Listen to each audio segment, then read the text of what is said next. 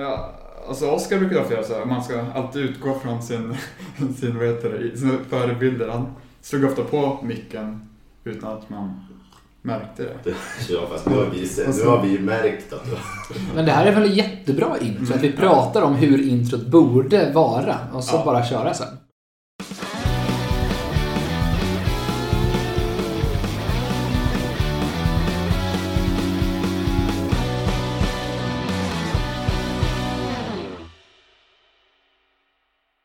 är Folktribunalen och det är avsnitt 6. Och det är Adrian von Heine som sitter i sitt eget kök. Jag har bjudit in oss två här. Ja, precis. Tack. Niklas och Jonna. Tack för, tack för att vi fick komma. Eh, varsågoda. Jag hörde att ni har varit på olika ställen här tidigare så vi kan ju hoppas att det här köket blir någon form av stående inspelningspunkt. Ja. Mm. Välkomna var vecka. Precis, och det var ju faktiskt eh, du som, när du fick höra att, eh, att vi skulle starta en podd för ett, några, ett par månader sedan. Då sa du, då skrev du till mig, jag ska se, jag skrev upp det här. Så, så här skrev du till mig. Jag känner att vi faktiskt är på, väg, på god väg att göra, något, göra riktigt bra saker och det behöver märkas i akademin. Ja, men så är det väl. Mm. Alltså ni bara titta på, på att vi har tre stycken spelare från akademin som har skrivit A-lagskontrakt. Att det var sju stycken akademispelare som var med på eh, första säsong, alltså säsongstarten med A-laget. Och att det därutöver är ännu fler spelare som har gjort betydande avtryck i A-laget. Jag tycker det är hur häftigt som helst. Och ja, men de 07 som nu blir välkomnade in till Siriusvärmen och i akademin så många förebilder som har gått exakt samma väg som dem och nu är, eller på god väg att bli, är A-lagsspelare. Mm. Ehm, och ja, men de resultaten som de äldre lagen gjorde förra året också, både U17 och U19-laget i- som spelar mot de allra bästa lagen i Sverige, märkte att vi inte var riktigt hela vägen där, men att vi var nära. Så eh, jag tycker det är, det är så jäkla häftigt att jobba i Sirius Akademi just nu. Och det är kul att ha gjort det tillsammans med så många fina människor runt omkring oss. Du ska få berätta mycket mer om allt det eh, strax. Vi tänkte vi kan ju först, eh, för de som kanske inte har lyssnat på Blåsvarta, blåsvarta baksmällan eller de som inte är så insatta i Siriusvärlden vill lära sig. Du Adrian, eh, du kan få gärna beskriva dig själv, berätta om dig själv lite grann. 22 Ja. år. Ja, 23, sen 23, i oj, torsdags. förlåt. Lika gammal som jag. Ja, nybli- nybliven 23-åring. Gångbar ålder i Sirius, uppenbarligen. Mm. Eh, Jag är från Göteborg från början eh, och flyttade hit för två och ett halvt år sedan ungefär eh, för att plugga juridik. Eh, Och det, det har jag gjort eh, mer eller mindre sedan dess. Eh, Och arbetat i akademin nu i två år. Först framförallt kring eh, 04 eh, som var U14 när jag kom. Jag följde två säsonger och nu har jag, är jag koordinator för 13, 14 och 15 eh, i akademin. Vad betyder det?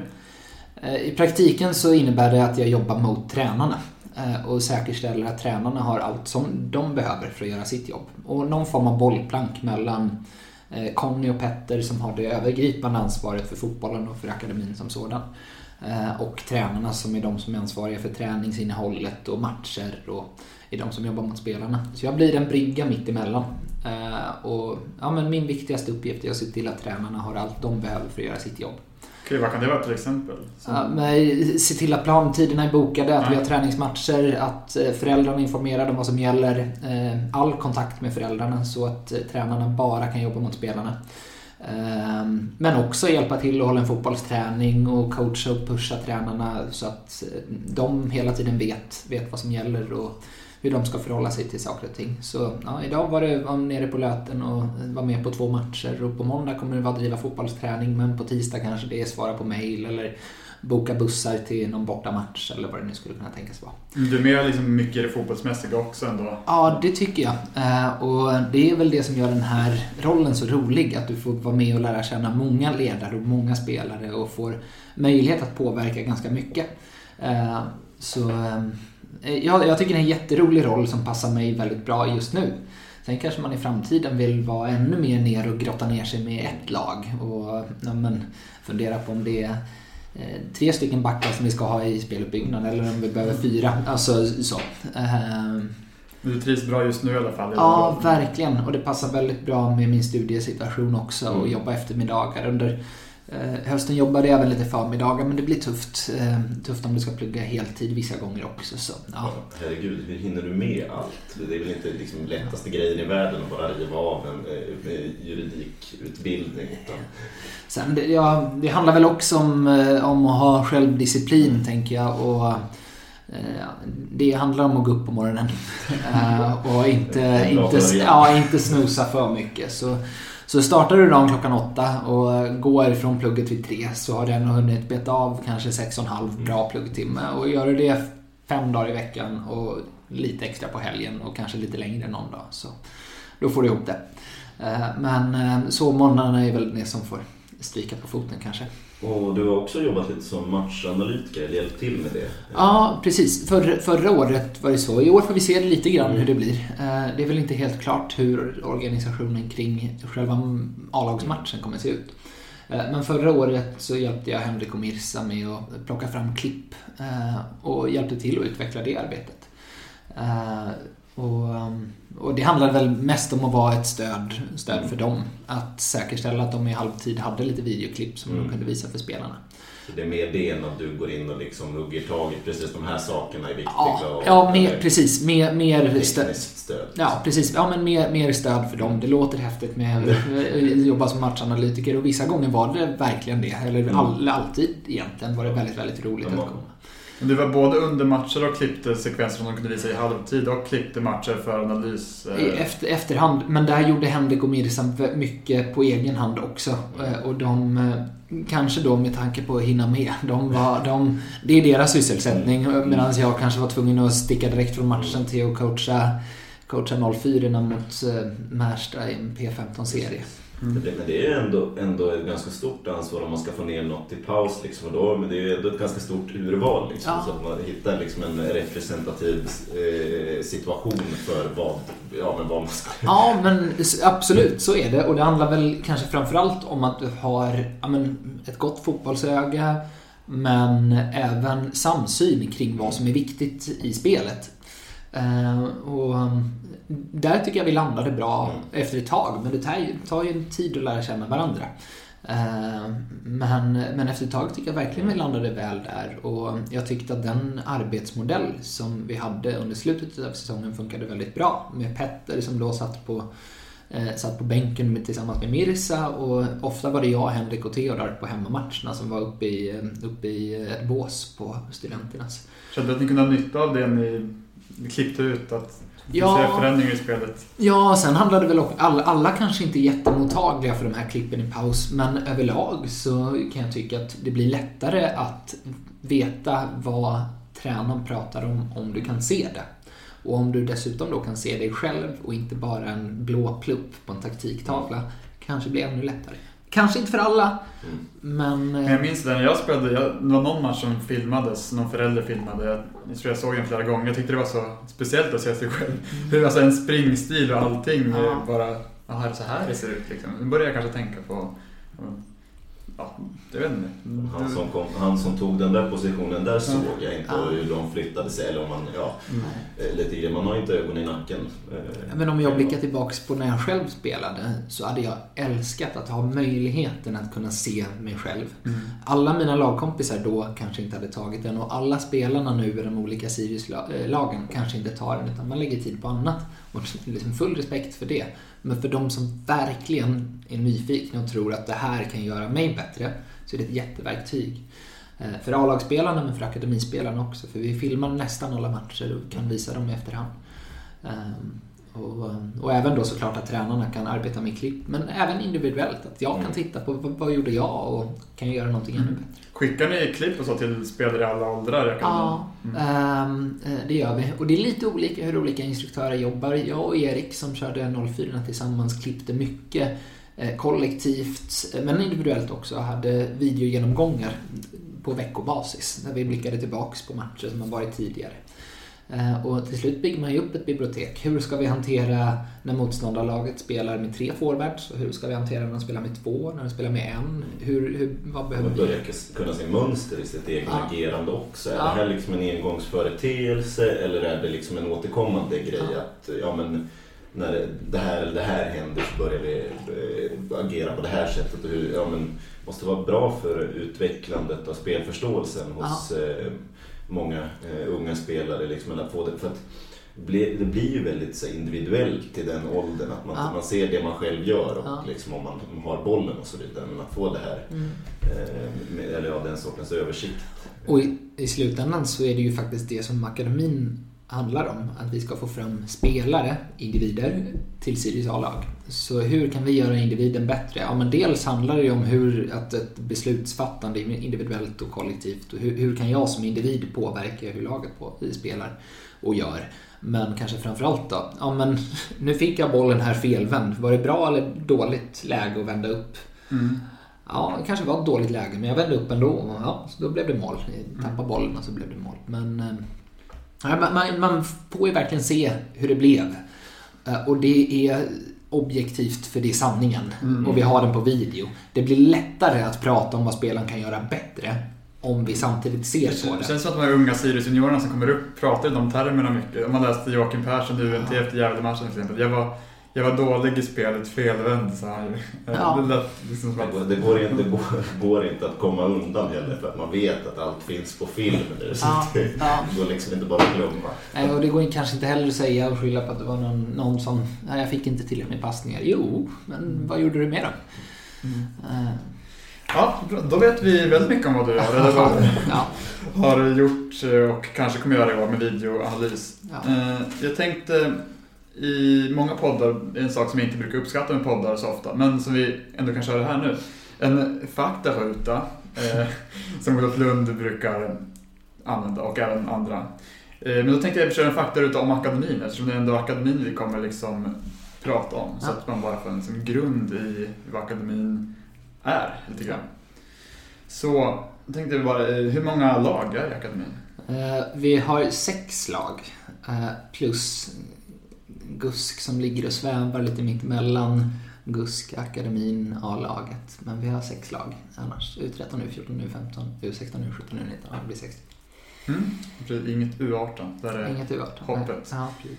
Eh, hur många spelare ungefär? Ja. Du kanske har en exakt siffra? Nej, jag har inte en exakt siffra. Vi, mellan tummen och pekfingret, så någonstans mellan 100, 105 och 115. Där någonstans.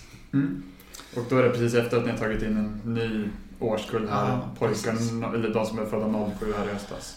07 är nya in och 00 är ju eh, ut. Då. De eh, blev för gamla så för att spela i akademins lag, men det var ju flera som valde att gå till GUSK, vilket glädjer oss väldigt mycket. Mm. Och eh, ja, precis, mellan vilka åldrar? Det vet det, Ja, precis. Från, du, det finns ju folk som är 12 då.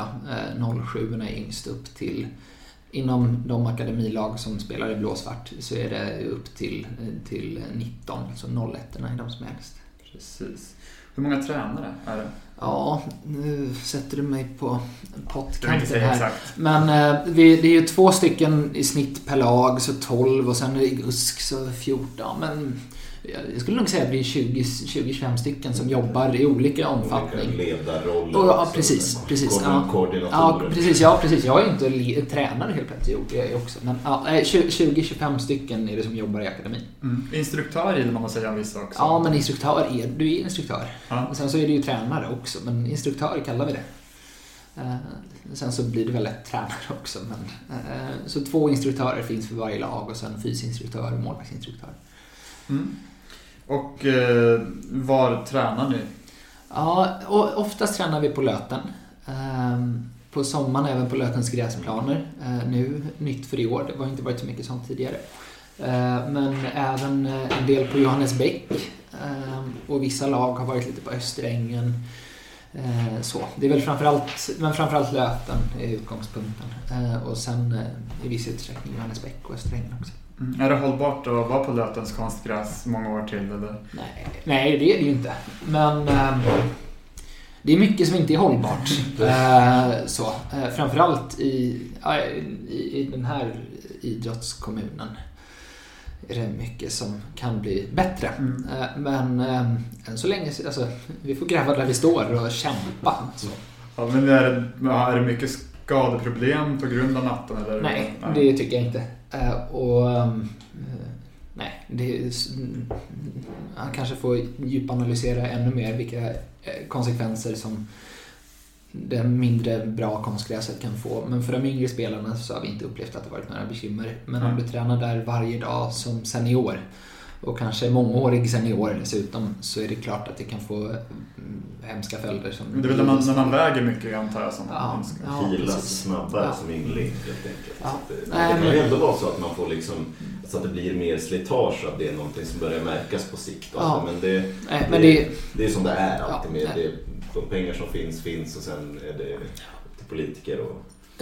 Det, det, är klart att vi kan hoppas på att vi får vara på studion mer och kanske framförallt spela matcher med de äldre lagen. Ehm, för det är inte optimalt att vara på Löten. Samtidigt så det vi har ju hemvisten, vi har omklädningsrum och sånt där. Så det kanske inte heller är så att vi ska spy för mycket galla på det. Utan jag tycker det, det, det är en miljö som vi, vi jobbar stenhårt med att den ska bli så bra som möjligt. Och det blir vår lilla utvecklingsgruva. Mm. Kämpar där varje dag. Så förhoppningsvis är, det, är Löten så bra den kan vara när vi är där. Mm. Och det kommer fortsätta vara platsen för akademin många år framöver? Ja, ja, jag har inte hört något annat ja. i varje fall. Och då är det bara att göra det så bra som man kan. Svårt att se att vi på kort sikt ska kunna köpa oss en egen anläggning. Kanske köpa Daniel Lid som Dalkurd vill göra. Ja. Jäkligt mysigt på Danelid ska ja, sägas. Det är en bit ut också. Ja.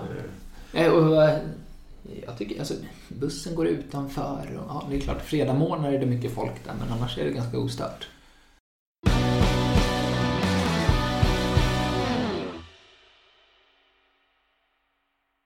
Någonstans behöver man nog kanske fundera på hur ser idrotten ut och är den optimal för att så många som möjligt ska idrotta så länge som möjligt? Och, ja, jag vet inte. Mm. Ja, ska vi, vi snackar ju ändå om fotboll. Vi kan lika gärna snacka i vi är tillbaka. Ja, vi är tillbaka. Om vi utgår lite ifrån men ni är mycket bra i akademin just nu och det känns som att ni alla som pratar om akademin pratar om hur roligt det är att jobba där och hur bra. Vad är det ni gör som är så bra i akademin? Vad är det som gör att det... Ja. Jag tror att vi är många instruktörer som tycker, alltså som jobbar hårt tillsammans. Eh, och jag tycker att vi har varit tydliga mot varandra om vad det är som är viktigt. Vad har vi för målbild? Ja, spelare ska till Sirius A-lag. Eh, och vi har mm, fått ett jäkla gensvar från A-lagstränarna. Både i fjol, Henrik och Mirsa och nu Theodor och Henrik. Med många spelare som har fått vara där och vara involverade och, och känna på. Och inte bara känna på, utan också påverka på daglig basis eh, i A-laget. Eh, och ehm, jag tror att vi instruktörer har blivit väldigt målmedvetna om att det är dit vi ska. Är det en slump då att ni har råkat bli många instruktörer som har haft samma mål? Eller är det att Petter som har rekryterat alla har vetat, liksom hittat rätt personer? Sådär? Jag tror Petter ska ha en eloge för de instruktörerna som han har, han har rekryterat. Eh, och jag tror Conny ska ha en jättestor eloge i hur sättet han är... Conny, kan väl, vad har han för roll? Eh, Conny är eh, utvecklingschef i akademin. Han har okay. haft de flesta rollerna. Men nu är han utvecklingschef och i praktiken så är han fotboll alltså ansvarig för fotbollen. Eh, jobbar jättenära instruktörerna i alla lag och eh, är med på träningar i väldigt, väldigt stor utsträckning. Eh, och ehm, egentligen bara med det oerhört ödmjuka sätt som han är på påverkar alla oss andra. Till att vara öppna för att hjälpa till var än det behövs. Och, um, och göra så gott man kan var man än hamnar för att den här träningen eller den här matchen eller det här mötet eller den här genomgången ska bli så bra som det bara kan bli. Alla kan påverka på något sätt, alla kan göra någonting. Ehm, och det Conny brukar prata om, som jag tycker är jäkligt bra, är att vi har inte de bästa förutsättningarna. Det behöver vi bara liksom erkänna. Mm. Ehm, och om vi då gör precis som AIK gör, eller precis som Malmö gör, eller precis som IFK Göteborg gör, så kommer vi kanske inte bli lika bra. För om de har två anställda instruktörer på heltid så har vi kanske en och en halv på halvtid. Du blir inte riktigt lika bra. Eh, om de har två hela konstgräsplaner så har vi en. Mm. Det blir inte riktigt lika bra. Man behöver alltså, skruva på saker och ting så att vi hittar det vi är riktigt bra på och så göra det full, liksom helt. Eh, och det tror jag har präglat många av oss. Att vi behöver göra så gott vi kan och kanske skruva på vissa saker så att vi blir Sirius. Men vad, vad har man skruvat på då? Ett, ett sätt som jag tycker är jäkligt bra är färdighetsträningar. Där man istället för kanske en vanlig fotbollsträning där du arbetar med speluppbyggnad, ett Mm. utav spelets skeenden och trycker på hur laget ska agera i speluppbyggnad. Så jobbar du med en mot en eller med passning, mottagning eller med avslut. Mm. Med en instruktör på lite mindre grupper och så nöter du avslut i 75 minuter. Eller nöter eh, en mot en i 75 minuter. Och vi tror kanske att om man kompletterar de här så blir du dels väldigt duktig på att förhålla dig kollektivt till hur vi vill spela fotboll i Sirius. Men också bättre en mot en. Mm. Kan vara svårt att nå det i en träning där du har fokus på speluppbyggnad och förhindra speluppbyggnad. Ja. Men om du nöter en mot en i 75 minuter och gör det en gång i veckan under fyra veckor Troligtvis har du blivit lite bättre på just det. Och det handlar inte om att man ska göra saker och ting isolerat. Det pratar man om som ett begrepp. Om du plockar ut spelmomentet. Mm. Alltså fotboll kategoriseras utav att det är två lag. Mm. Eh, och det är mål. Ja. Ja, och ena laget ska försöka göra mål, andra laget ska försöka försvara mål. Eh, Det är liksom fotboll. Eh, Och om du plockar bort mål till exempel så blir det inte, alltså då är det inte längre fotboll i samma utsträckning. Om du bara är ett lag, Mm. ja, då kanske inte fotboll. Så den här klassiska drillövningen där du bara står och passar 2-2, så Mm. är det fotboll eller är det kicking? Kicking.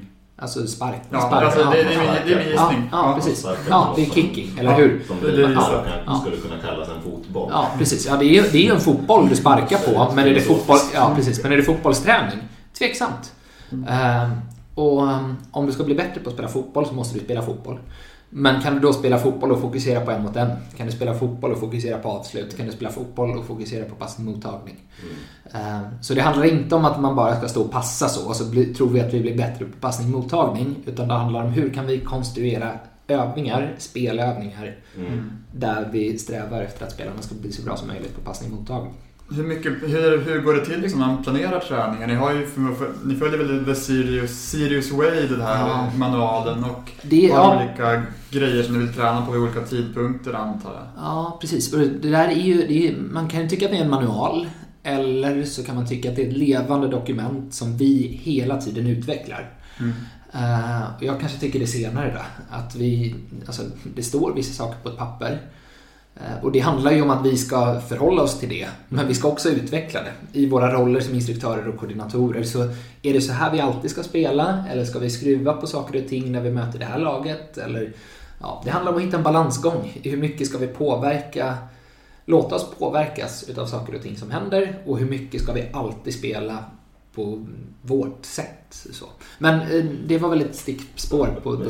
Men, men vad heter det, eh, den här färdighetsträningen då? Ja. eh, Är den liksom från relativt tidig ålder då liksom? Och är den, Ja. är den så att man liksom ger vissa övningar till vissa spelare och så vidare? Att, Ja. okej, men du, det här behöver du förbättra eller om, du, om någon är till exempel anfallare eller ja, att det blir mycket då en mot en eller att det blir skott och så vidare. Och att, kan det vara så att liksom man styr folk för mycket i vad man... För jag tänker att eh, man vill ju öva på det man ska vara eh, bra på individuellt eh, om man nu pratar om. Om, ja, jag tänker så här. Om vi tittar på A-lagsspelarna som har kommit upp nu Mm. så kanske viss, alltså, Jocke kanske är det tydligaste exemplet med sin oerhört tydliga spetsegenskap i snabbhet. Men Hannes har en oerhört tydlig spetsegenskap också i sitt fantastiska fotspel.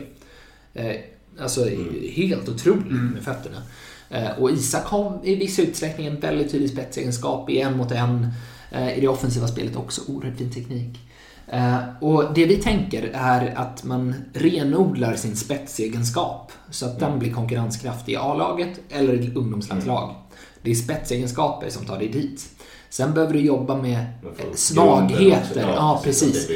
Så att du aldrig, ja, precis, så att du inte blir bortplockad på grund av en svaghet. Om du är anfallare och grym, grym i djupled, jättesnabb och bra timing så ska du inte bli bortplockad för att du inte kan nicka. Mm. Utan du behöver kunna nicka också. Du kanske inte behöver vara bäst på att nicka, men du behöver kunna nicka.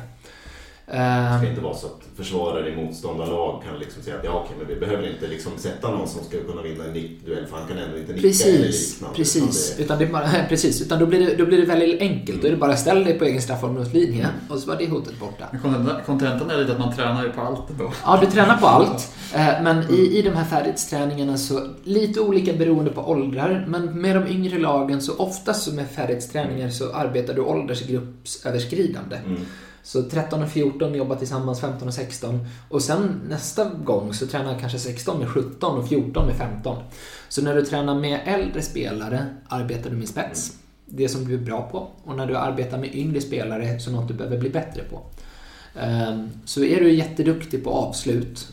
Så när du tränar med de som är lite, mm, lite äldre jobbar du med avslut. Och när du tränar med de som är något år yngre då kanske du jobbar med nick. Mm. Om man tycker att det är en viktig färdighet i ungdomsidrott, för det kanske det inte är just nick då, men ja. Men det låter spännande.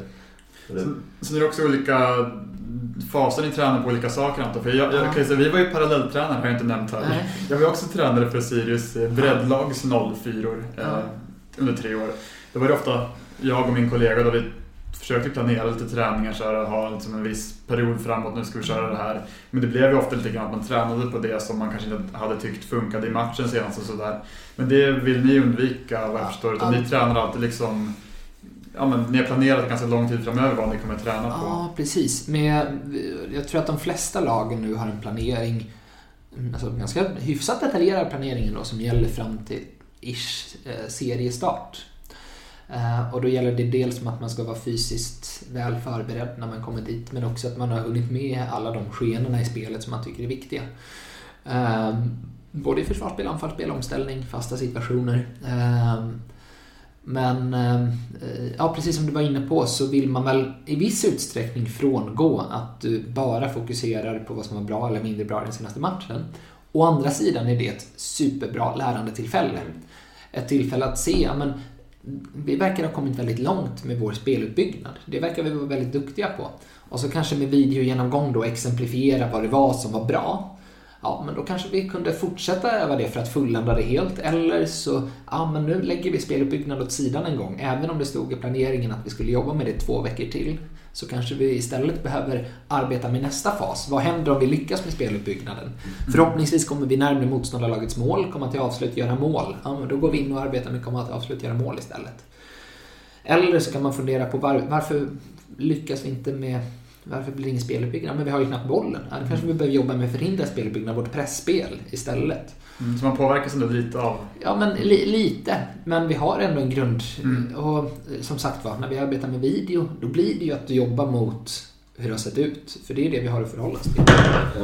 Det var en grej jag faktiskt har gått funderat på lite det här med. För att man har ju ändå en modell för unga- ja, men, ungefär hur man vill att en Sirius-spelare ska se ut. Som Ja. man liksom orienterar sig efter. Det, det är liksom ka- kanske, kanske lite generaliserande. Men kan det bli så att man missar typer av spelare som kanske inte gör sig bäst i, liksom, om man tänker sig ett possession-spelare, att det skulle kunna vara någon som är antingen bara liksom kontringsstark eller kanske en old school Hade Petter Hansson varit i Sirius Akademi kanske han inte hade. Nej, Erik Eriksson är ju andra sidan i Sirius Akademi.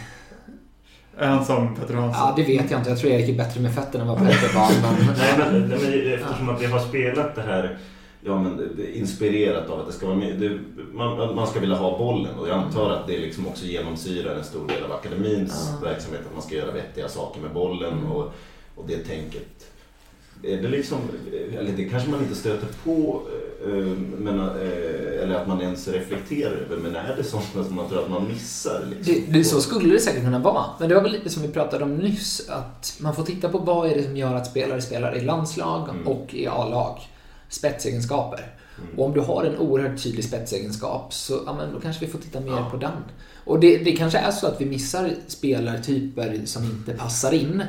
Eh, jag vet inte, låga ytterbackar är ingenting som vi är så förtjusta i kanske. Liksom, så. Mm, jag vet inte vilket lag som är det å andra sidan. Men hur som helst, vi kanske missar låga ytterbackar. Eller, så, eller så blir alla de där bättre på någonting annat helt Ja. enkelt. Eller att de, ja. Eh, Men det, jag tror att allra helst när vi har spelare som provtränar med oss så kanske risken är att man inte eh, ser lika bra ut hos oss Mm. som man gjorde i den miljön där man var i tidigare.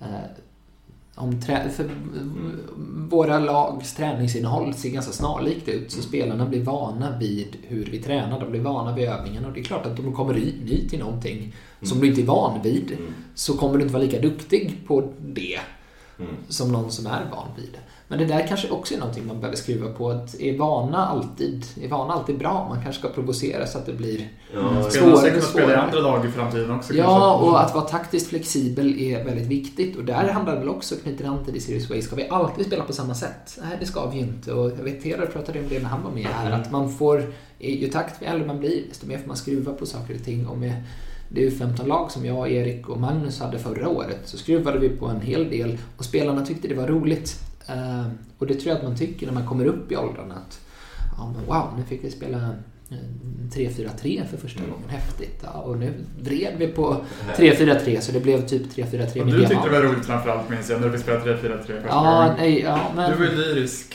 Ja, men jag tror att framför... Alltså, det, och det var jag väl kanske då för att det var lite nytt och spännande. Men eh, jag tror att det blir viktigt att de kan spela, alltså lagen kan spela på olika sätt. Men en fördel när du har spelat 3-4-3 är ju att har fler spelare naturligt i utgångsytan. Eh, Och allra helst om du har spelare som kanske inte har så eh, hårt tillslag, mindre spelare. Så Mm. kan det vara svårt att spela från höger inre korridor till vänster inre korridor. Alltså från en höger mittback till en vänster mittback på ett bra sätt. Mm.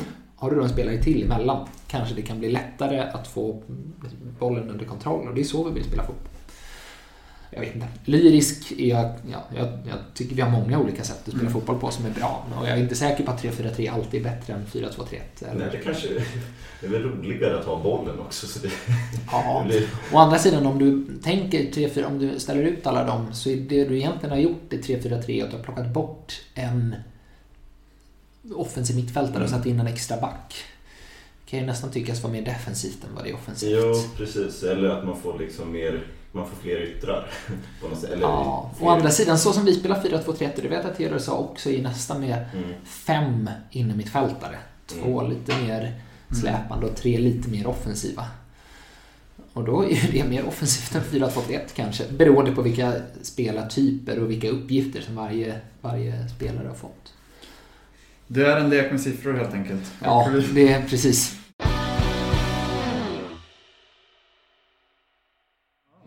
Moses kom inte med alltså. En annan Moses hyllade Adrian här nu. Så I vardagsrummet som jag bytt till. Otroligt mysigt rum här i Adrians hem. Har du sagt vilken del av stan vi är i? Vi är Luthagen. Ja. Ja, det kanske folk förstod. Vi sa mellan Löten och Ja, precis. Ekonomicum. Det var du som försökte få det här till att vara Svartbäcken tidigare. Ja. Och liksom så här, ytterligare briljera med dina bristande ge- geografikunskaper. Ja, det är min grej i den här podden. Men det är... Men jag älskar Uppsala. Ja, och eh, nära eh, Oscars eh, eh, nya och även gamla bostad. Klassisk poddmark. Precis. Ja, vi sitter med tända ljus i ett mörkt vardagsrum här. Det är trevligt. Och jag har, ja, eftersom jag har varit tränare så jag funderar ju mycket på liksom det här med akademier och eh, mycket saker jag tänker på mycket. Jag, vänta lite, jag vill bara flika in där att jag inte är tränare och Du kommer tänker heller inte inte- att bli Ja, men jag tänker på det. Men jag tänkte bara så att lyssnarna inte tänker att ja, här sitter tre tränare som kan allt. Jag kan ingenting. Jag kan ingenting men jag tänker mycket, eller lite kan jag som jag har lärt mig i alla fall.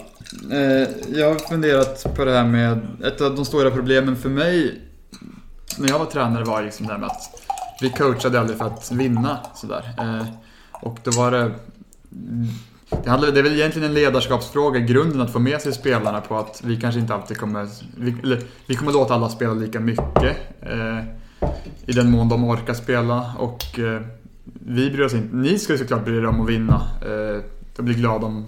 Eller, vi, vi kommer inte bli arg på någon som blir ledsen om någon förlorar. Vi kommer inte bli arg på någon som blir glad. Men vi kommer liksom inte utgå från att vi vill vinna matcherna när vi coachar. Och det var svårt att få med sig spelarna på det. Eh, jag är Ska man få med sig spelarna på det? Att det ska vara kul? Och, alltså fotboll är ju roligt.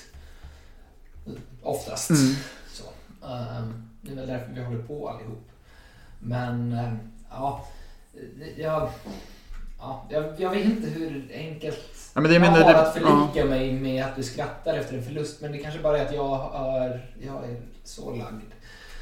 Ehm, och jag tror att vi, Alltså, att vinna kommer aldrig vara allt när du arbetar med ungdomsspelare. Det är, kanske all, det är väl aldrig det absolut viktigaste. Utan det viktigaste är att vi ska få fram spelare till Sirius A-lag. Eh, Men, eh, Men- på vägen dit måste vi nog vinna några fotbollsmatcher också. Ja.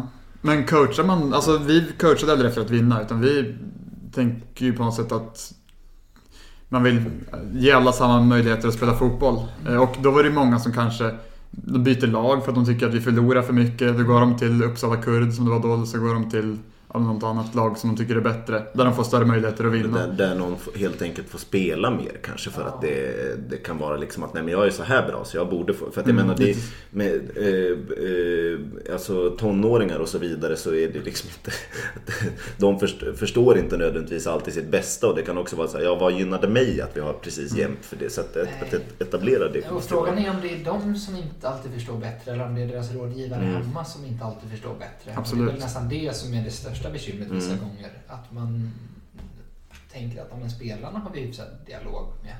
Det gäller alltså de som Mm. inte alltid har dialog med kanske är rådgivarna på andra håll. Det kan vara föräldrar eller andra som man pratar Mm. med. Ehm, Därför är det viktigt med en koordinator kanske. Som du. Ja, Mm. ja precis. Ehm, så, så kan det vara. Eh, Eller ehm, också ännu viktigare att det arbete vi gör faktiskt får eh, nå resultat så tillvida att vi har spelare i A-laget. För det blir ett bevis det. Mm. på att det vi gör leder till att spelare spelar Allsvenskan. Precis, och det beviset är svårt att få som tränare i ett breddlag för mig. Ja, Eh, precis. Eh, Så jag hoppas verkligen att ehm, om man har tvivlat tidigare så är det dags att sluta. Vi får fram spelare till Sirius A-lag. Mm. Ehm, och ge oss bara lite tid. För 06an kommer inte spela i Sirius A-lag i år. Men om några år, kanske. Om Mm. man gnuggar på och liksom går på sina träningar Mm. och äter sitt mellanmål och spelar sina matcher med äldre och med yngre och allt vad det är. Mm. Och tar tillvara på det varje, varje match och försöker göra så bra man kan. Så då kanske vi Sen kanske inte ni har problemet heller att, för ni vinner ju mycket matcher. eh, Ja, och så det, det gör vi, Mm. men vi Mm. förlorar Ja. en hel del matcher också. Och eh, vi spelar ju serier som är tuffa. Vi Mm. spelar mot äldre lag, vi är många, många av de yngre lagen. Vi spelar mot nationellt motstånd med de äldsta lagen. Det är tuffa matcher och det är inte givet att vi går därifrån med segern. Utan vi behöver spela bra och spelarna behöver tänja sina gränser för vad de klarar av. Man kanske behöver göra det här liksom, ja men utvecklingsarbetet för att ens komma upp i en nivå där man faktiskt kan vinna de matcherna. Ja.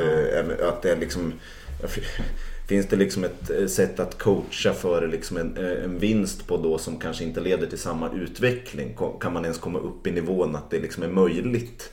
Men Eh. det, vi pratade lite om taktisk flexibilitet förut. Att, och vi pratade framförallt om vad, vad är fotboll? Det är ett spel med två lag. När det ena laget ska försöka göra mål och det andra laget ska försöka förhindra mål. Och sen byter man när man, bollen byter ägare. Ehm, och handlar om att vi, vi ska spela så bra som möjligt för att göra mål. Alltså, Mm. här, den här gången mötte vi det här laget som spelade på det här sättet. Kanske vi behöver skruva på de, det sätt som vi helst vill spela fotboll på till vilket som blir bäst utifrån motståndarlag den här gången. Mm. Om alla motståndare springer rakt fram mot vårt mål, då kanske vi får spela bakom. Eh, Och det kanske vi har blivit bättre på. Att fundera på hur spelar motståndarlaget just nu och hur kan vi tackla det? Och att spelarna ska börja förstå också hur, hur vi ska hitta lösningar på olika sätt. Och det kanske inte är att coacha för att vinna, men det är att coacha för att spelarna ska få bättre förutsättningar att lyckas. Mm. Det handlar om hur bra tränare man är att förstå det också. Eh, Ja, ja, och men i slutändan så det är klart vi vill vinna. Jag vill vinna, alla spelarna vill Mm. vinna och jag vill inte att vi inte ska vilja vinna. Eh, För det är roligare att vinna än att inte Precis. göra det. Och det, blir mycket, det skapar alltid mycket bättre. Alltså träningen dagen efter kommer bli kanske lite, några procent bättre för att folk är gladare. Och sådär också. Sen är det klart att vi möter AIK med vårt 05-lag idag och det finns ju en väldigt stor morot i att inte vinna. I att nästa gång vi möter dem så ska vi se till att göra det. Ehm, Alltså- Mättnadskänslan av att vinna hela tiden är också, kan ju också Sen- vara, ja, vara hem, hämmande tror för... jag det är många exempel på att det inte finns någon sån konsekvens heller. Men när vi samlade ihop oss efteråt och konstaterade att vi efter en väldigt, väldigt bra träningsmånad med det här laget har tagit stora kliv. Ja, vi nådde inte hela vägen den här gången, Mm. men vi gjorde mycket som var bra ändå. Det är svårt att vara missnöjd helt och hållet. Missnöjd över förlusten, men inte över hur spelarna har tacklat månaden, matchen. Ja, får vi se när vi möter dem nästa gång. Det är därför väldigt tydlig antar jag mot spelarna. Vad, alltså, visa på vad de har gjort bra hela tiden och sånt. Och, men det är klart vi vill sjunga Akaliele efteråt. Mm. Det är fantastiskt. Eh, Men eh, det kanske inte är det allra viktigaste heller. Mm. Och som det pratade ju Theodor om när han var här att ju äldre du blir desto viktigare kanske resultatet blir. Inte minst för att inom, i vissa lag och vissa serier så behöver du ju vinna vissa matcher för att få spela i nästkommande års seriespel. Mm. Så P19 har ju höga, eh, höga liksom, inte krav men förväntningar att vi vill komma topp 7. För då får vi spela P19 Allsvenskan 2021. Mm. Ehm, så. Annars blir det att man kan få vinna jättemycket matcher nästföljande år och så vidare fast det är en eh, sämre serie. Och det har Sirius gjort tillräckligt av tidigare. Och Mm. vi får fram duktiga spelare för att vi gör mycket bra, men också för att eh, de möter bra motstånd. Jocke ställdes mot många duktiga försvarare i 19-serien förra året och han gjorde en hel del mål där. Förhoppningsvis har det gjort, gjort honom förberedd på att spela Allsvenskan i år. Mm. Hade det varit eh, P19 division 1 så kanske det hade varit enklare motstånd. Och hur ska du överföra en sån match där du vinner med 10-0 till att möta eh, Djurgården på Tele2 eh, veckan efter? Det, är- det är svårt. Mm. Ja, grymt. Ja, det är mycket det där jag tänkt på också. Men eh, hur många akademier tror du det är som... Man kanske inte kan jämföra de som coachar för att vinna, de som coachar för att utvecklas. Det kanske är svårt att dra en, det är inte så svartvitt.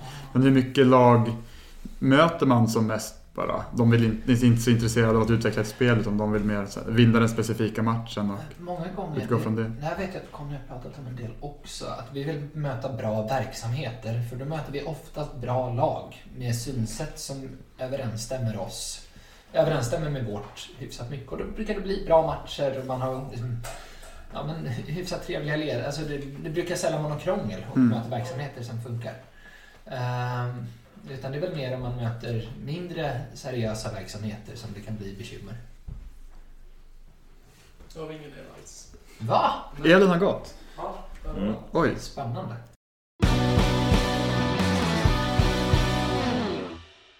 Spekulationerna eh, pågår för fullt här i huset om eh, det kan vara ett planerat avbrott eller om det är någon på föreningen som glömt betala räkningen. Eh, Och halva trappuppgången engagerade sig i de här konspirationsteorierna. Mysigt ändå. Det för ju folk samman lite ja, grannar emellan. Mer, mer sånt. Bra för grann... Ja, motverka eventuella grannfejder. Vi pratade om eh, att man gärna vill möta Bra verksamheter. bra verksamheter. Ja, precis. För oftast blir det bra matcher då. Det är klart att någon gång möter du ett motståndarlag som har någon tränare som skriker fegis när en eh, 13-åring inte skjuter. Och det är ju tråkigt. Men eh, ja, oft, oftast möter du bra verksamheter eh, som på något sätt är liksom certifierade så ofta med de här SF-klubbarna. Så då brukar det bli bra. Sådana har aldrig jag mött som tränare. Jag Nej. mötte ju ofta Det- de som ropade på domare och... Det är, det är ju mycket snack om just sådana grejer men hur mycket sånt är det i verkligheten? Alltså på, på den här nivån när man tittar akademilagen att det är väldigt mycket föräldrar överallt som är kanske överengagerade. Det skriks mycket på domaren. Och, Det är ju sällan för alltså vi, med, med de yngre lagen spelar vi en lokal serie Mm. och då är, det, då är det all- alla möjliga lag med olika ambitionsnivåer. Så. Eh, Och ledare av olika slag också. Mm. Yngre ledare som, som en själv, men det kan vara föräldrar också som många gånger gör ett fantastiskt arbete. Mm. Alltså, jätte, in, inga konstigheter så alls. Och vissa gånger så är det yngre ledare som missköter sig, andra gånger är det äldre ledare som Mm. missköter sig. Eh, Men eh, i takt med att vi spelar mot större och större verksamheter så blir det blir någon kvalitetssäkring på vilka som arbetar där. Eh, och den kulturen man etablerar där kommer ju då sedan också förhoppningsvis eh, smitta av sig på resten av det, ja men vad ska man säga, det som är utanför liksom de här lite större klubbarnas verksamheter och eh, Ja, jag hoppas det. Att vi kanske, när vi, när vi möter lagen runt omkring, kan vi genom vårt sätt att vara visa på hur ja, men hur, vad vi tycker är viktigt och vad vi tycker att man ska fokusera på. Ja, men vi, vi försöker vara trevliga och glada mot motståndarlag oavsett vinst eller förlust. Det är klart att man inte behöver göra vågen efteråt om man förlorar men man är trevlig, man sköter sig och plockar undan efter sig. Och, eh, skriker inte på domaren och har sig utan vi, vi försöker vara ett trevligt lag att möta. Och, eh, då tror jag att vi tillsammans kan utveckla upp, upp, den uppländska fotbollen med, tillsammans med alla, alla äldre och yngre ledare och lag i olika åldrar som gör ett fantastiskt arbete. Ja, det måste ju ändå vara en skillnad mot hur det varit tidigare att folk mer och mer börjar titta på hur Sirius gör eftersom att vi är allsvenskan och det, ja, men saker och ting verkar funka. Eh. Men det, ja, alltså, det är inte... Det, det, uppenbarligen verkar det ju som att vi gör vissa saker rätt med anledning av att vi får spelare som spelar i Sirius A-lag. Mm. Sen kanske inte alla eh, alla andra föreningar i Uppsala ska ta hela vårt koncept och kopiera det. För vissa saker behöver man ha på plats. Man behöver träna ett visst antal mm. tillfällen. Och, ja, vi tror mycket på spel, spelövningar. Men du behöver fortfarande instruera i spelövningarna. Det kan inte bara bli att man står med armarna i kors och tittar på spelet som ledare. Utan du behöver vara med och styra och påverka. Um, Hur mycket utbyte har ni med andra lag som ni inspireras av? Och sådär? Ja, det är ju framförallt Petter som har god, goda kontakter med andra klubb eller verksamhetsledare. Um, sen försöker vi ha, Conny har varit och haft lite kontakt med, något lag och så. Och, um, jag tror det kan vara svårt. Jag hade gärna sett att vi hade gjort än, ännu mer men någonstans så det som vi var, sa innan, vi är inte så många och många mm. jobbar väldigt mycket kring de lagen man är med i. Eh, jag vet att i Göteborg så hade man ju haft akademin under en längre tid och då hade du haft ledare som kanske har kommit ifrån det stadiet i livet där man kan lägga varje kväll på ett lag. Man kanske kan lägga en kväll i veckan. Ja, men super, då åker du iväg och kör med det här laget och håller i liksom, Blåvitt-träningar bara då med de här. Eller du lägger en sommarlovsvecka på att vara med på en kamp med det här. Du fostra många bra ledare då? Liksom. Ja, och det kanske är spelare som, eller ledare som just nu spelar i Sirius som sen kan bli duktiga ledare. Och alla når inte till Sirius A-lag, men då kanske vi kan använda, använda de här personerna som vi ändå har utbildat på ett annat sätt. Mm. Uh, och där finns ju flera exempel utav ledarna nu. Erik uh, har spelat i Sirius tidigare, Olle har spelat i Sirius tidigare. Det har ju faktiskt Conny gjort också back in the day. Mm. Uh, om det är några jag glömmer nu. Utan, jo, Oskar Kindlund såklart som är ny ledare i 07 har ju också spelat i Sirius. Och det är fantastiskt att vi kan åter, återanvända den kunskap som förhoppningsvis akademin har givit till de här personerna tidigare. Mm.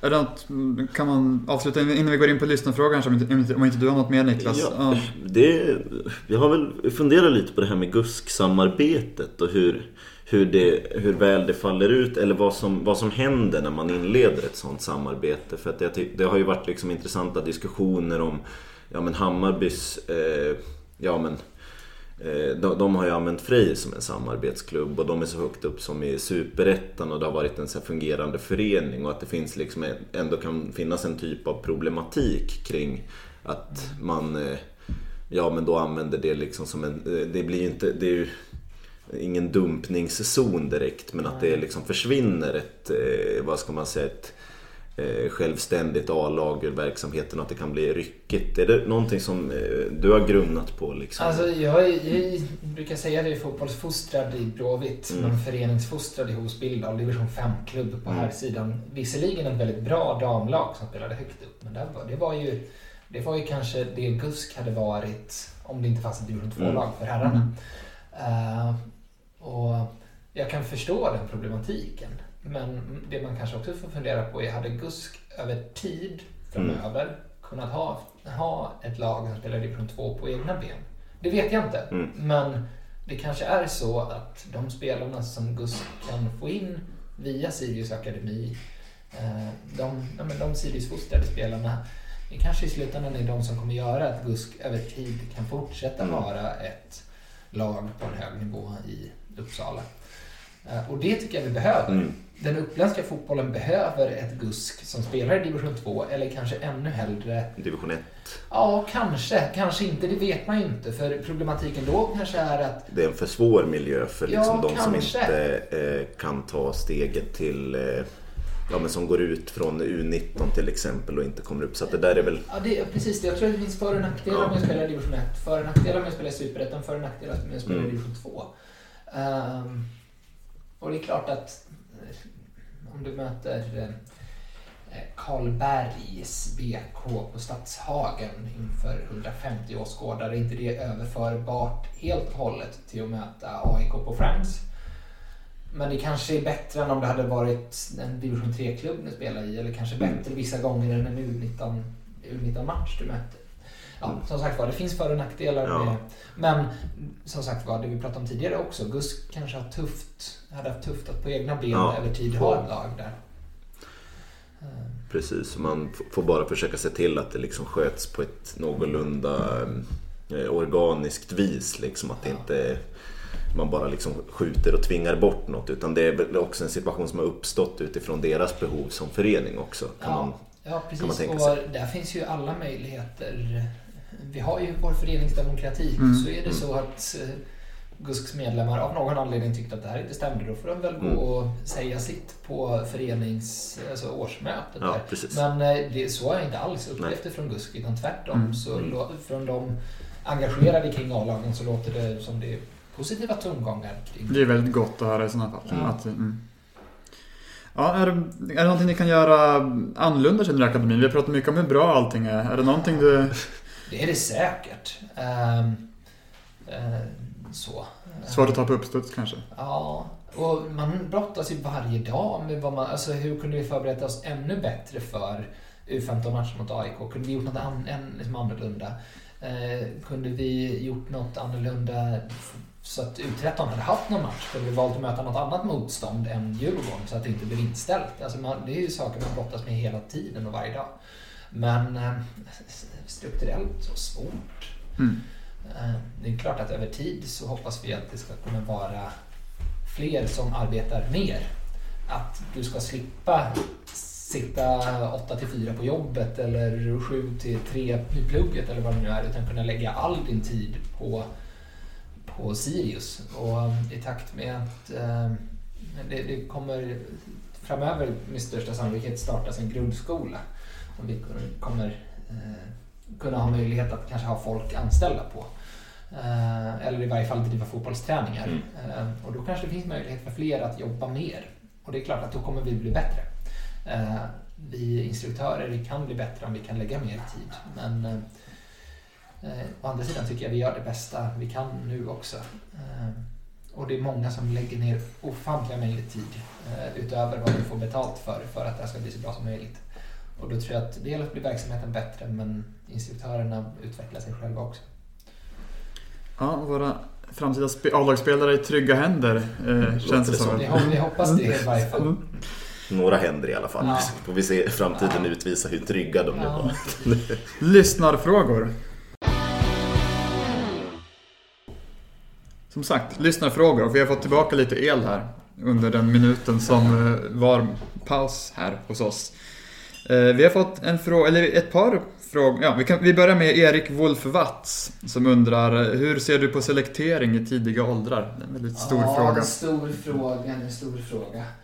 Eh, men i grund och botten så... Alltså vi följer ju Svenska Fotbollförbundets ramar. Och Svenska Fotbollförbundet följer Riksidrottsförbundet. Eh, så så sätt så eh, rent liksom, regelmässigt så tycker jag vi ligger väldigt väl i, i hur saker och ting ser ut. Och mm, vi vet ju inte vilka som kommer bli duktiga på att spela fotboll. Eh, men samtidigt så tror vi väl att man behöver lägga ner ganska mycket tid för att bli bra. Eh, Och det behöver vara kvalitativ tid. Det kan inte bara vara att gå, gå till fotbollen utan man behöver jobba för det också. Ehm, det är lurigt eh, och man får kanske också fundera på vad, vad som är syftet med allt idrottande som vi pratade om tidigare. Det, det yttersta syftet att få fram spelare till landslag eh, eller det yttersta syftet att så många som möjligt ska hålla på med, med, eh, med idrott ur ett folkhälsoperspektiv. Och olika verksamheter har kanske olika syften. Eh, och vårt, just akademins syfte från U13 upp till U19 är ganska tydligt. Vi ska få fram spelare till Sirius A-lag. Eh, och det är vi inte ensam om, ensamma om i Sverige, om att ha sådana syften i akademier. Mm. Med det sagt ska inte alla fotbollsverksamheter se ut så. Och det tycker jag är en väldigt viktig distinktion. Mm. Men akademin har ju sagt som du berättade innan här för oss att det är någon sorts selektering vilka man tar in när man, eh, Ja. de här som blir ut 13 nu. Sen är det också när man är sex, fyller 16, det är man fyller 16 så Ja, selekteras det lite mer. precis. Och anledningen till att man gör det där då är att vi inte kan säkerställa matchmiljöer på ett bra sätt. Upp till det att spelarna fyller 16 så upplever vi att vi har så pass goda Mm. möjligheter till att spela matcher mot lokalt motstånd och regionalt motstånd. Men från det att spelarna fyller 16 så behöver de spela matcher mot nationellt motstånd och då finns det bara en serie. Mm. Eh, Och då går det inte att ha hur många spelare som helst. Givet att vi vill att spelarna spelar matcher, kanske inte varje vecka men Mm. de flesta veckorna under året. Så alternativet hade då varit att ha fler spelare, men då hade det också varit fler spelare som varje vecka hade blivit lämnade hemma. Och de hade inte kunnat spela mot lokalt motstånd. Ja, men då, det blir svårt att säkerställa ett så pass bra motstånd. Eh, Så nu, då, då blir det något färre i 16 än vad det är i, i 15. Eh, Och lite beroende på hur stora trupperna är så blir det olika många som inte får möjligheten att vara kvar i akademin. Man har ju fortsatt möjlighet att spela i Sirius Mm. i ungdomslagen, men då är det just i akademin. Mm, just det. Eh, Eh, Hannes, ordförande i Västra Sidan, Hannes Lind Skogsberg, han undrar hur värvar man ett sånt spelare till akademin? Är det uttagningar? Eh, Förut var det ju missnöje med att Sirius inom citationstecken snodde ungdomar eh, liksom hos andra lag, kanske på 90-talet sådär. Hur är attityden nu? Ja, det, så, så kan man ju kanske uppleva det fortfarande. Ja. Men det, det vi har nu har varit att 13-åringarna får söka sig till akademin. Eh, och därefter så är det lite, eh, vi åker och tittar på en hel del matcher och eh, försöker scouta. Och Christian som är ansvarig för, för rekryteringen gjorde ett oerhört noggrant arbete under hösten. Eh, så, men det är spelarnas egna vilja att spela i akademin som är en förutsättning för att de ska göra det. Så Ni hör aldrig av er till någon? All, nej, inte, det är inte så vi ska göra, nej. Eh, utan eh, det tillvägagångssätt som finns är att spelaren hör av sig till, till oss i de yngre åldrarna. Sen om det är för- upp till U16, U17, U19 så kanske det är andra saker. Men där kommer även NIU och skol, skolidrotten in. Mm. Att spelare som vill ha fotboll på sitt schema eh, kan, eh, då sö- söker man sig till, till Celsiusskolan och Celsiusskolan har, eh, driver vi stora delar av fotbollsutbildningen. Eh, och då kan det vara så att man eh, kanske efter att ha kommit in på NIU även börjar spela för Sirius. Ehm, Det är ju en ganska rimlig följd av då man liksom tränar med sina klasskamrater och så vidare. Att man, Precis, man har det. precis. Men det går, det går alldeles utmärkt att gå på. Celsiusskolan och spela i andra föreningar också. Eh, och det är inte så att man bara, alltså, för det första är det inte så att alla Sirius-spelare per se hamnar på Celsius. Utan det är rekrytering och antagning där också. Eh, och det är inte heller så att bara för att du eh, går på Celsius sen hamnar i Sirius. Mm. Men det är lite rekrytering i olika åldrar. Men jag tror att om spelarna själva får söka sig till Sirius, Petter är väldigt tydlig med vad som gäller, informerar de olika föreningarna om dels att spelarna eventuellt provspelar, så försöker vi undvika frågetecken. Vi är väldigt tydliga med så här, så här gör vi. Ehm, och eh, det lät på Petter som att det var ett positivt mottagande utav det tillvägagångssätt som vi har nu. Att spelarna får söka sig, vissa erbjuds provspel och vissa av dem som erbjuds provspel får sen börja. Ja, i, I många fall så kan det ju säkert vara också så att det, det inte ens är så att klubben har gjort något fel utan att det är bara liksom det intry- eller samlade intrycket blir att okej nu, var- nu är det några av våra spelare som har eh, sökt sig till Sirius och så vidare skapar ett tryck på andra av deras lagkamrater att göra liknande grejer och så vidare. Så får man svårt att bedriva, eller ja, så rycks ens ungdomslag eller någonting isär och då blir det ju liksom, ja men den att, ett missnöje med det för att man, eller eh, från sitt eget perspektiv och så vidare. Men det, och det där är alltid svårt att helt friskriva sig. Alltså, eh, vi vet, man vet ju aldrig vad som påverkar vad. Om den här spelaren börjar spela för Sirius, ja, men kommer den, den bästa kompis fortsätta spela i det här laget? Alltså, vad, vad händer sen? Det kan, det kan ju få stora konsekvenser men någonstans kan vi inte ta ansvar för Nej, allt. det, Det vi gärna gör är att vi håller fortbildningar för yngre lags ledare som kan komma in och lyssna på Petter och titta på träningar och även på oss instruktörer. Eh, inga konstigheter och man kanske kan komma och vara med och gå med någon träning och liksom så här gör vi jättegärna i att säkerställa att ledarna för de här lagen är så duktiga som möjligt. Vi har Akademi Extern på fredagar eh, där spelare från andra föreningar kan komma och eh, träna med många av våra yngre ledare och fysinstruktörer. instruktörer.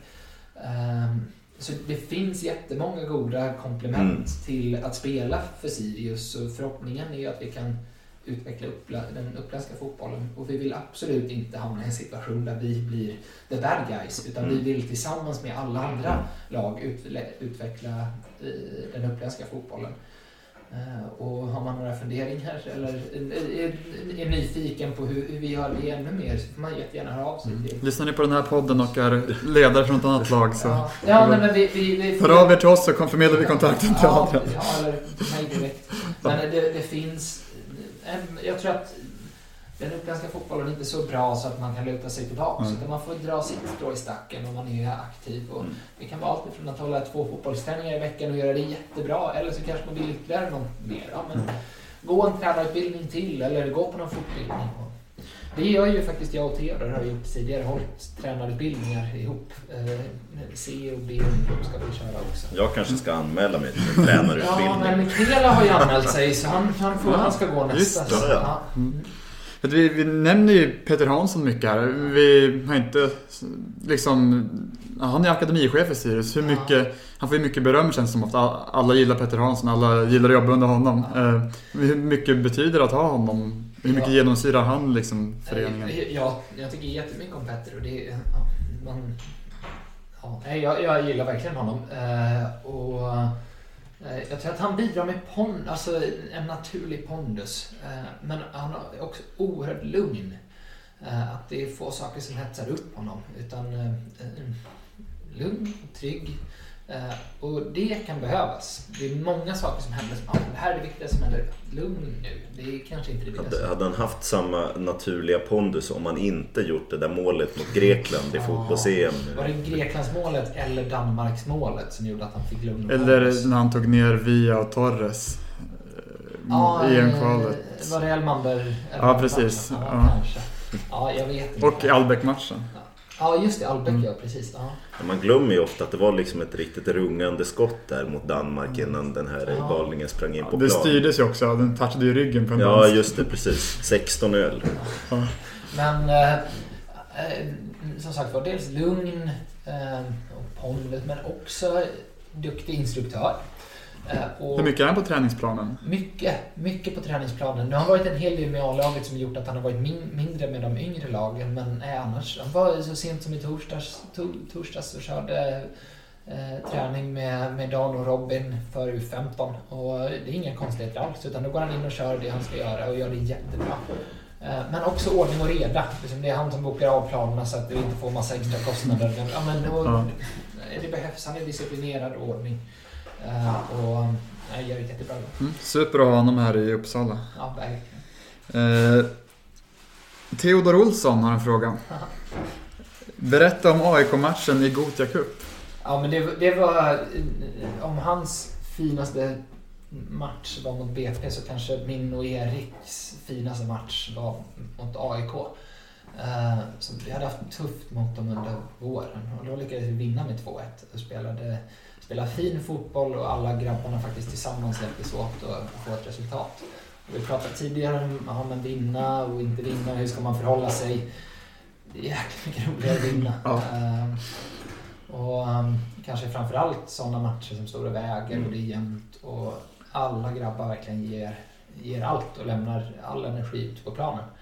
Och det var snopet för vi kunde inte hylla dem och ta en poäng som krävdes dagen efter för att gå till slutspel.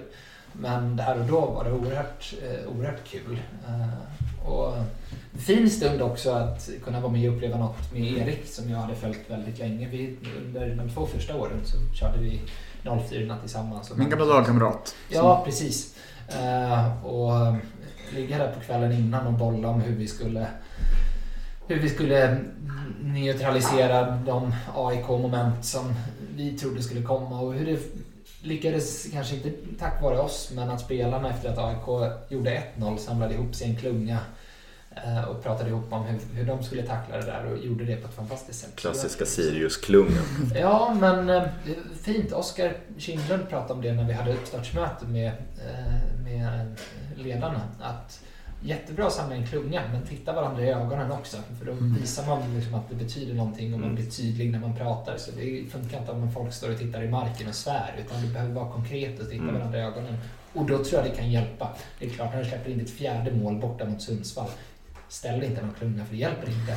Men släpper du in 1-0 mot AIK och matchen står och väger, ja, in i klungan och så ser man inte kan hitta någon yta bakom vänsterbacken. Det måste veta alla från Kim Bergstrand det här med att titta i varandra i ögonen. Det Ja, känns, så som, var det kanske. det känns som det typiskt någonting som. Kim skulle säga. Ja, ja kanske. Ja. Vi har- Jobbigt att se honom i ögonen. Liksom. Ah, Kommer så jobbigt är det inte att titta honom där. Adrian är alltså släkt med Kim Bergstrand för alla som inte vet det. Ja, ingen Typ. blodsband, men Ja. eh, ja, Något band är det. något band är det. Ja. En sista lyssnarfråga.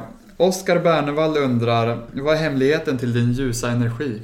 Ja, jag vet inte om det. Min, min, eh, mina föräldrar var här i helgen och min mamma pratade om någon Dave Phillips, tror jag han hette. Någon mamma är kommunikatör och han var någon superkommunikatör också. Att man skulle, mm, ja, men om du säger att saker och ting är på ett visst sätt, om du säger att du mår dåligt så mår du gissningsvis också sen dåligt. Ja, Och ord har nog inte all makt. Och kanske inte så mycket makt som mm, min mor och den här kommunikatören kanske vill tro. Men jag tror ändå att man kan lura sig själv genom att göra så gott man kan. Jag, jag tycker ändå om man jämför med när du eh, kom till stan för ungefär två och ett halvt år sedan eller vad det var.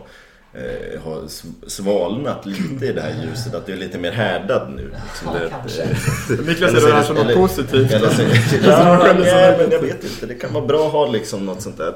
Det, ålderstecken, man, Ja, man, blir, man blir tröttare. Men, men sen kan det också kanske bara vara idag på grund av att det är strömavbrott och mer. Det, Du ser inte allt ljus. Eller? Men å andra sidan borde ju ljuset skina ännu mer om det är mörkt runt omkring. ja, kanske. precis. Ja.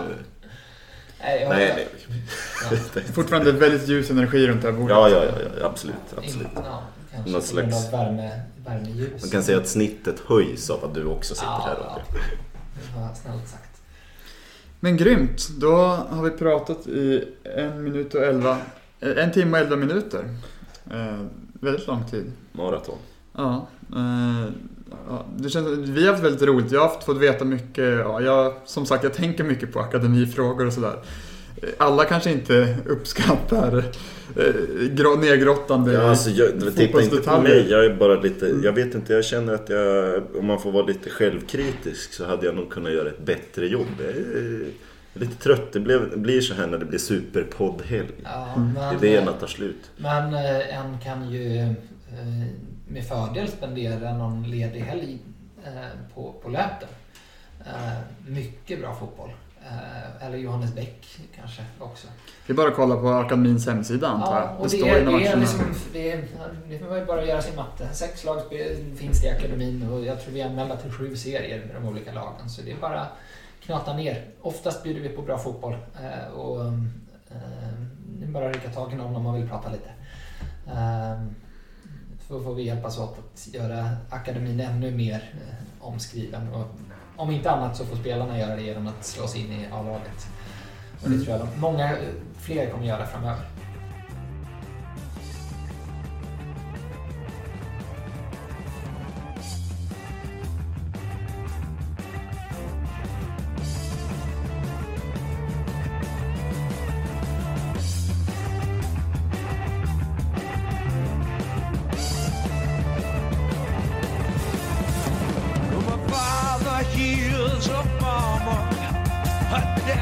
someone at his straight.